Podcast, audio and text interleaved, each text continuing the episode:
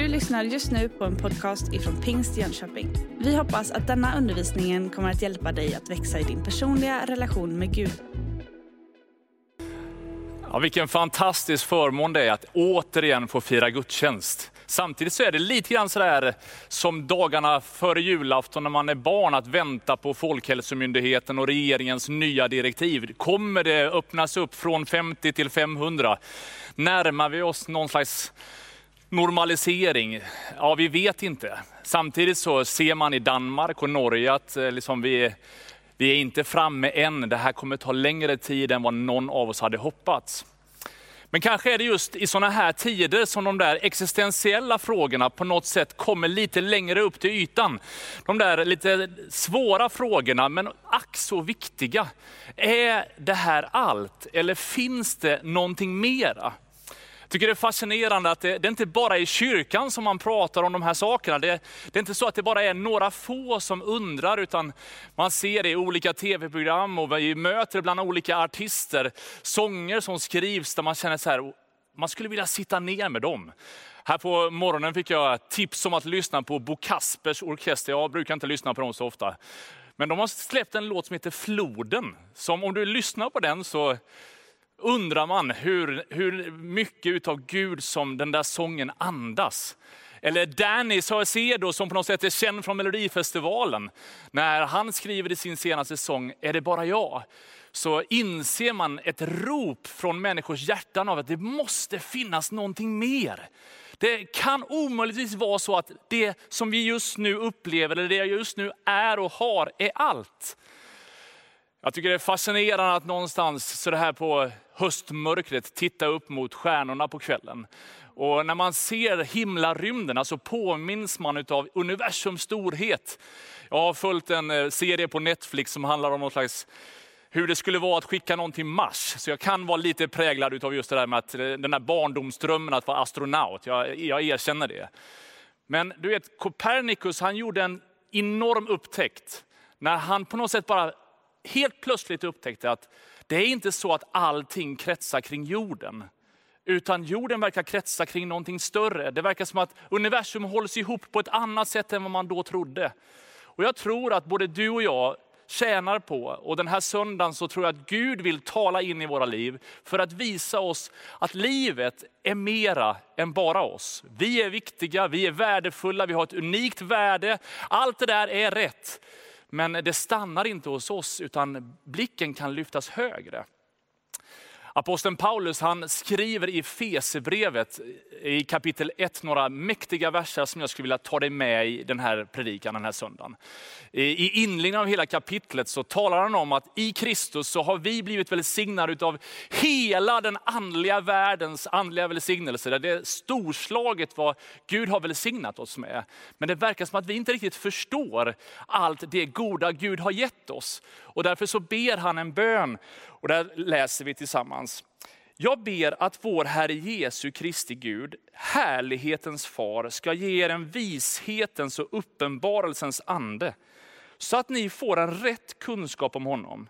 Jag ber att era hjärtans ögon ska få ljus, så att ni förstår vilket hopp han har kallat er till, hur rikt och härligt hans arv är bland de heliga Låt oss bara be en bön tillsammans, att just den här bönen skulle få bli verklighet i ditt och mitt hjärta den här söndagen.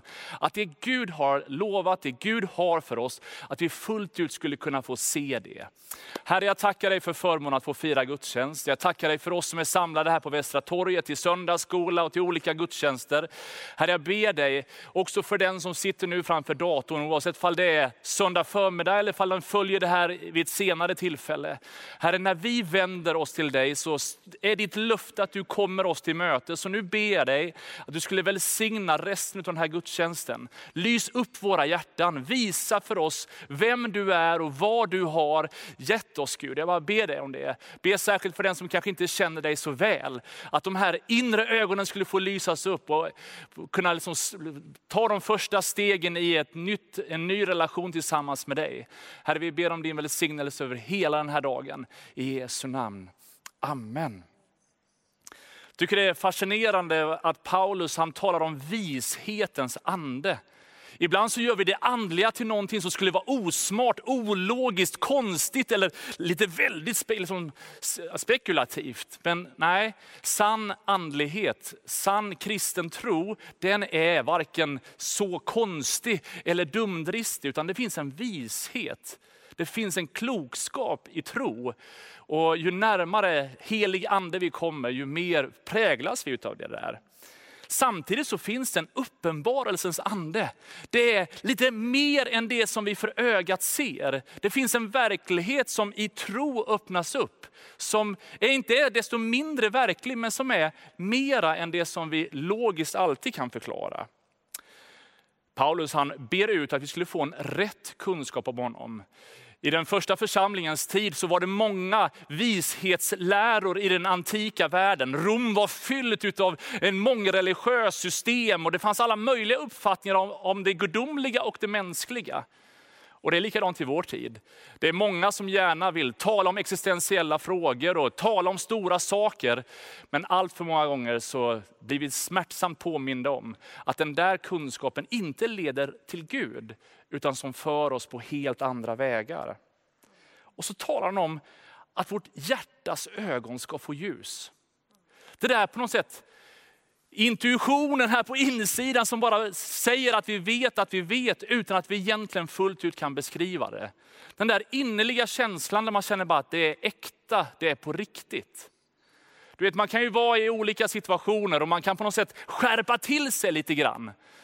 Men de som känner den väl kan läsa av både kroppsspråk och tonläge för att märka att nej, nu stämmer inte riktigt det som du säger. Bibeln är inte ute efter ett beteende, att vi ska på något sätt anstränga oss och göra lite mera. Nej, han vill att det ska vara hjärtats ljus. Så att vi känner att det är äkta, på riktigt och personligt. Och så i det där hjärtats ljus så vill han uppenbara hur rikt på härlighet hans arv är. Att det Gud har gett till oss, det, det han har lovat, att vi skulle förstå storheten och kraften i det löftet. Det är som om det kristna livet lätt kan bli begränsat av mänskliga föreställningar eller egna bristande erfarenheter. Och att Gud gång på gång på gång måste hjälpa oss att förstå att det finns mycket mer att erfara. Det finns mycket mer att få uppleva. I våran tid så har vi ju till och med ett smörpaket som heter lätt och lagom. Vi ska ju vara liksom så politiskt korrekt, vi ska ju vara lite, så lite lagom utav allting. Men Bibeln utmanar gång på gång på gång. Att inte bara nöja sig med lite lagom utan sträcka sig efter mer. Våga gå lite längre. Och det passionerade hängivna hjärtat är än en gång inte en motsats till att vara reflekterande och söka vishet och förstånd. Utan kombinationen är det som Gud utmanar oss till. Men om du den här söndagmorgonen skulle kunna liksom sitta där i soffan med din kaffekopp och fundera, om du skulle ha ett utvecklingssamtal med dig själv, vad skulle det ha för innehåll då? Vad skulle du vilja på något sätt ha för mål med ditt liv? Vad skulle du säga är, det här längtar du efter? Och om du tar det då lite närmare Gud, om du skulle sitta ner med Gud och han fick ha ett utvecklingssamtal med dig, vad skulle du önska från honom att han hjälpte dig till? Hur skulle du vilja att det livet som du har med Gud skulle kunna vara? Ganska många gånger så kämpar vi lite grann med vad är normalt, vad är onormalt, vad är naturligt, vad är onaturligt eller övernaturligt. Och så kan vi filosofera över det liv vi lever och det liv vi skulle vilja leva. Jag fick låna den här utav eh, Bernt Antonsson. För dig som inte vet vem Bernt Antonsson i vår församling är, då har du missat någon. Du, jag hoppas att du verkligen får lära känna honom. Alla behöver en Bernt Antonsson i sitt liv och jag är oerhört tacksam för att få kalla honom min vän. Han fick låna ut sin kikare till mig. Eh, jag vet inte hur ofta han använder den här, jag, men jag hade ju ingen så jag brukar inte använda sån här. Men du vet, en kikare kan man använda på lite olika sätt. Och ganska många gånger när vi pratar om det andliga livet så har vi en förmåga att vända på hela grejen. Och någonstans så tänker vi så här, Gud vad har du för mig? Vad är det du på något sätt vill? Jag, jag ser det inte, det känns som att du är jätteliten långt bort, jag förstår inte. Och så tittar jag, liksom, söker jag inåt, jag ska ge det inre ögat ljus och så försöker jag se i mig själv. Hela evangeliet är att vända på kikaren. Att någonstans inte spegla allt för mycket av sig självt, även om vi ska vara öppna, ärliga och ibland så behöver vi låta liksom, Gud få rensa det som är på insidan. Det handlar inte om att gömma det från Gud, men att lyfta blicken från oss själva till Gud. Där i ligger en stor hemlighet att börja ana mer av vem Gud är. Än förstå så mycket vilka vi ska vara. Jesus han lär oss i bönen Fader vår att vi ska bedja, låt din vilja ske. Låt ditt rike komma. Och så som i himlen, så och på jorden. Och den där bönen den har jag liksom bett under en lång tid i mitt liv. Jag känner bara, Gud, så som din vilja sker i himlen, låt den få ske i mitt liv. Låt det som är, det som är du få prägla ännu mer det som är här på insidan av min tro. Det är så lätt hänt att jag låter saker som är svårt att förstå eller när jag inte riktigt begriper saker begränsa vem Gud är. Och mina komplexa frågor kan göra att jag kan uppleva Gud lite mer på avstånd. Men att då bestämma sig för att kliva lite närmare och säga, bara, Gud jag nöjer mig inte med mindre än att du välsignar mig. Jag nöjer mig inte än att du får visa vägen genom detta. Berätta för mig vem du är, även i de situationer som jag har svårt att se dig. Det finns en slags trons vila som kommer när jag inser att jag kan få falla in i Guds armar. Jag behöver inte falla ifrån dem när livet blir komplicerat. Men allt för många gånger så verkar det som att när man pratar om liksom att Gud jag längtar mer efter detta, att vi än en gång gör det till någonting som vi ska prestera. Att det kristna livet handlar mer om att nu ska jag bli lite heligare, jag ska bli lite bättre, jag ska, jag ska göra mera. Nej, men det handlar om att någonstans lita mera på vem han är. Förtrösta mer på honom och låta honom få visa den han är. Istället för att anklaga oss över allt det som vi inte lyckas prestera, tacka Gud för att han har vunnit segern för oss. Det finns en majestätisk förklaring i Romarbrevet 8, där Paulus säger att det finns ingen fördömelse för den som är i Kristus Jesus. Och ni har inte fått slaveriets ande så att ni på nytt måste leva i fruktan. Nej, ni har fått barnaskapets ande och i honom ropar vi Abba far. Anden själv vittnar med vår ande att vi är Guds barn. Och är vi barn så är vi också arvingar, Guds arvingar och Kristi medarvingar. Jag tror att det är viktigt för oss att spegla oss ännu mer mot Guds ordet. Och att istället för att anklaga oss för alla saker som vi inte kan, förstå att Gud har gett oss ett barnaskapets ande som inte handlar om allt vi kan, utan om vilka vi är. Du vet, hemma i vår familj så har vi en femåring som han stökar mest till än vad han hjälper till att städa. Men du vet, hans barnaskap, hela det liksom, hans tillhörighet bygger inte på vad han kan leverera, utan på vem han är.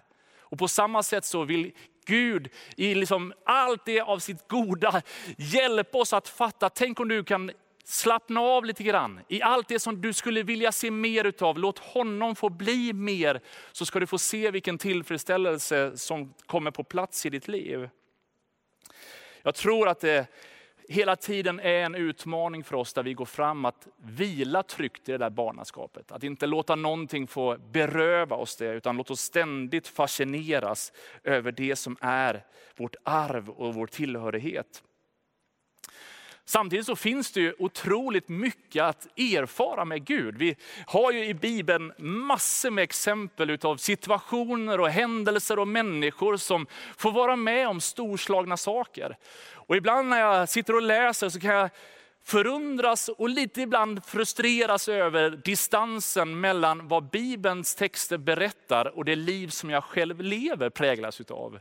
Det verkar som om en hel del berättelser här är så storslagna så att jag har svårt att sätta mig in mig själv i ekvationen.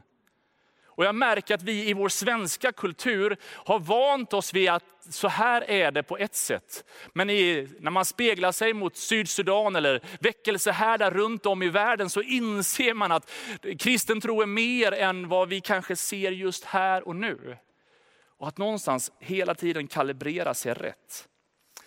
Om du har din bibel framför dig så får du gärna följa med mig till Lukas evangeliet kapitel 15. Där är det en välkänd bibeltext för dig som har varit kristen länge, där Jesus undervisar om det förlorade fåret, eller fåret som är kommit bort och hur fåraherden gör allt för att hitta det igen. Ett mynt som kommer bort, men som Gud i all sin kraft försöker liksom göra, eller hitta igen. Och så har vi den förlorade sonen som beger sig iväg på villovägar, men så småningom hittar tillbaka till huset där hans fader bor.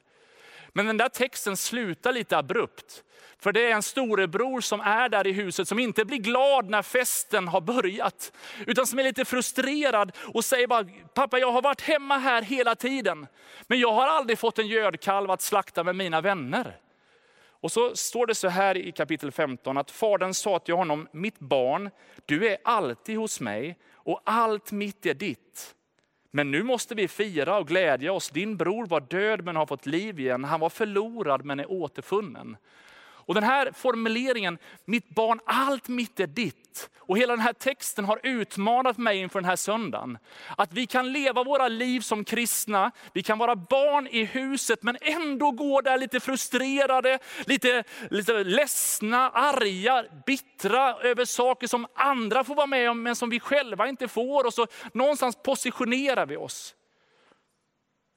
Tänk vad frustrerande det måste vara för pappan att höra det där att jag har ett frustrerat barn som inte har fattat vilket arv han redan har. Att få leva i att allt Guds är mitt. Allt av Guds löften tillhör mig. I Kristus har allt av detta fullbordats och i nåd får jag bara leva i det. Det är bara liksom, jag har det i mitt barnaskap i Gud. Och att vi skulle kunna förstå att det finns så otroligt mycket mer. Skulle kunna hålla på här hela eftermiddagen och ha bibelstudier om av exempel efter exempel av människor i Bibeln som har upptäckt att det finns mer. Låt mig bara ge dig några korta exempel. Andra Kungaboken kapitel 6 så är det profeten Elisa som attackeras av fiendearmén och hans tjänare väcker honom och säger vi måste springa härifrån för nu anfaller de oss. Och Elisa han bekymrar sig inte ett ögonblick, utan han bara ber ut bönen. Herre öppna min tjänares ögon så att han ser. Det var en verklighet av att himlen strider för Elisa och hans tjänare. Och ibland så kanske du och jag behöver uppleva det där, när det känns som att det är för mycket motstånd och motgång. När vi tycker att nu är vi trängda, så är vi inte instängda. För att Gud håller sin hand över oss. Det finns mer än det du ser. Och jag tror jag vill tala särskilt till någon just nu som går i en rejäl uppförsbacke i livet. Du tänker, jag är ensam kvar. Nej, det finns mer. Jag ber som Elisa, öppna min tjänares ögon så att du ser att Gud är med dig. Faktum är att han överger dig aldrig. I Danielsboken kapitel 3 så är det tre stycken grabbar som vägrar böja sig och tillbe en falsk avgud. Kejsaren säger som straff kastar vi dig i den brinnande ugnen. Och så slänger de in de tre grabbarna i den brinnande glödheta ugnen. Men efter en stund så reagerar kungen och säger, var det inte tre män som vi band och kastade i elden? De svarade, jo visst o konung. Men nu ser jag fyra män gå lösa och lediga in i elden, helt oskadda och den fjärde ser ut att vara en gudason. Och de såg att elden inte hade haft någon makt över männens kroppar och att deras huvudhår inte hade svets och att deras kläder inte skadats. Man kunde inte ens känna att det luktade bränt. Om du liksom jag någon gång den här sommaren har varit ute och grillat så vet vi att de där kläderna som har varit nära grillplatsen, de eh, behöver tvättas för doften sitter i jackan eller tröjan längre än vad glöden var varm. Men här fanns det ett Guds beskydd. Att till och med i den brinnande ugnen så vilar de tryggt i att Gud släppte inte taget om dem. Mitt i elden så fick de uppleva ett blodets beskydd, ett Guds beskydd. Och jag tror att du också finns med idag som kan uppleva, oj vad tufft det är. Men att Gud vill påminna dig om att det finns mer än bara en brinnande ugn. Han är med, med dig genom den. Han är där för att hjälpa dig och hålla sin hand över dig. Samtidigt så finns det ett perspektiv i Bibeln kring lidande som vi inte får väja under. Det verkar som att Gud förstår att så länge vi vandrar på den här sidan evigheten så kommer på något sätt onda saker ske. Det finns en prislapp, en utmaning, en kamp som inte alltid blir ett lyckligt slut som i Danielsboken kapitel 3. I Apostlagärningarna möter vi en av de första kristna som väljer att vittna om sin tro med priset av att de vill ta hans liv. Men där står det, precis i det ögonblicket som Stefanos ska stenas, att, han, att hans ansikte var som en ängels. Och fylld av den helige ande så lyfte han sin blick mot himlen och fick se Guds härlighet och Jesus på Guds högra sida. Det finns ett löfte som till och med går så långt så att till och med döden inte faktiskt har sista ordet utan Gud håller sin hand över oss. Åh, att du skulle förstå att det finns en sån frid som går så långt. Så långt mycket mer än att bara lite för stunden vara mysig och härlig. Du kan få se Gud, du kan få se Jesus, du kan få vara med Gud så personligen. Så att i brinnande ugnar eller i glödheta situationer så kan du ändå få uppleva en frid att han är med. Salmisten sjunger ut att även om jag vandrar genom dödsskuggans dal fruktar jag inget ont ty du är med mig. Kanske att du har fått ett tungt sjukdomsbesked. Kanske att du kämpar med saker i relationer eller någonting annat där det känns som att döden har sista ordet. Det känns som att mörkret har tagit ett sånt grepp. Nej, jag har en hälsning från himlen till dig. Det är Gud som håller dig i sin hand. Och varken död eller liv, varken något som nu är eller någonting som ska komma, varken makter i himlarna eller någonting här på jorden kan skilja dig från den kärleken. Och att du kunde förstå att det där inre ögat kunde få lysas upp av den tryggheten att du är i hans händer. Det finns så oändligt mycket mer. Du vet, en liten pojke hade fem bröd, två fiskar, det räckte till tusentals. Det fanns en liten ung kille som hörde en stor jätte säga dumma saker och han besegrade den enkelt med sin slunga. Bibelberättelserna är många över hur enkla människor bestämde sig för att sätta sitt hopp till en stor Gud och därmed göra en enormt stor skillnad. Om du tycker att du är betydelselös, så skulle jag önska att du tänker på alla sommarens myggor. För om du vet vad en enda mygga kan åstadkomma en sommarnatt när du försöker sova, så vet du att en liten grej kan göra stor skillnad. Och du är långt mycket mer än en mygga. Du kan betyda oändligt mycket mer positivt än vad du tror. Och om du kunde förstå det. Till avslutning skulle jag vilja ta dig med till Filipperbrevet som säger att jag menar inte att jag har gripit det, men ett gör jag. Jag glömmer det som ligger bakom och sträcker mig mot det som ligger framför.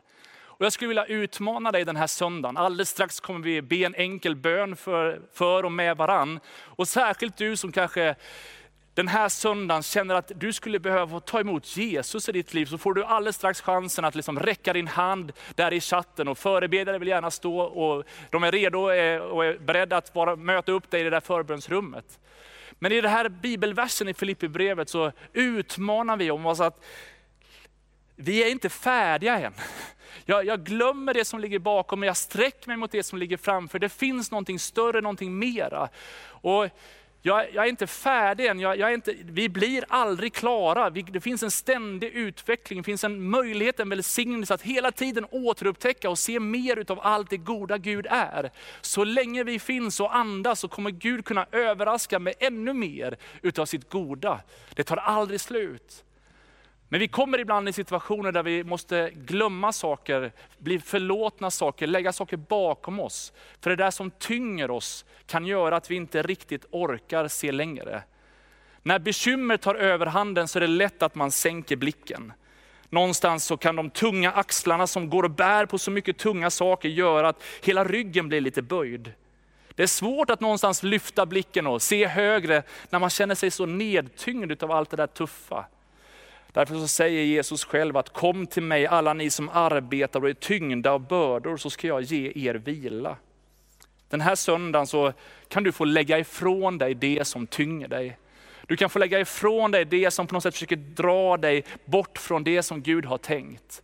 Du kan få lägga ifrån dig alla tankar som hela tiden ligger och maler, som säger att du inte är viktig, att du inte behövs, att du inte är värdefull, att du inte är vacker, eller vad det nu är för lögner som försöker smita sig in i, ditt, i din tanke. Du kan få lägga ifrån dig besvikelser, dåliga erfarenheter, synd och skräp. Och så kan du få hämta in ny frisk luft.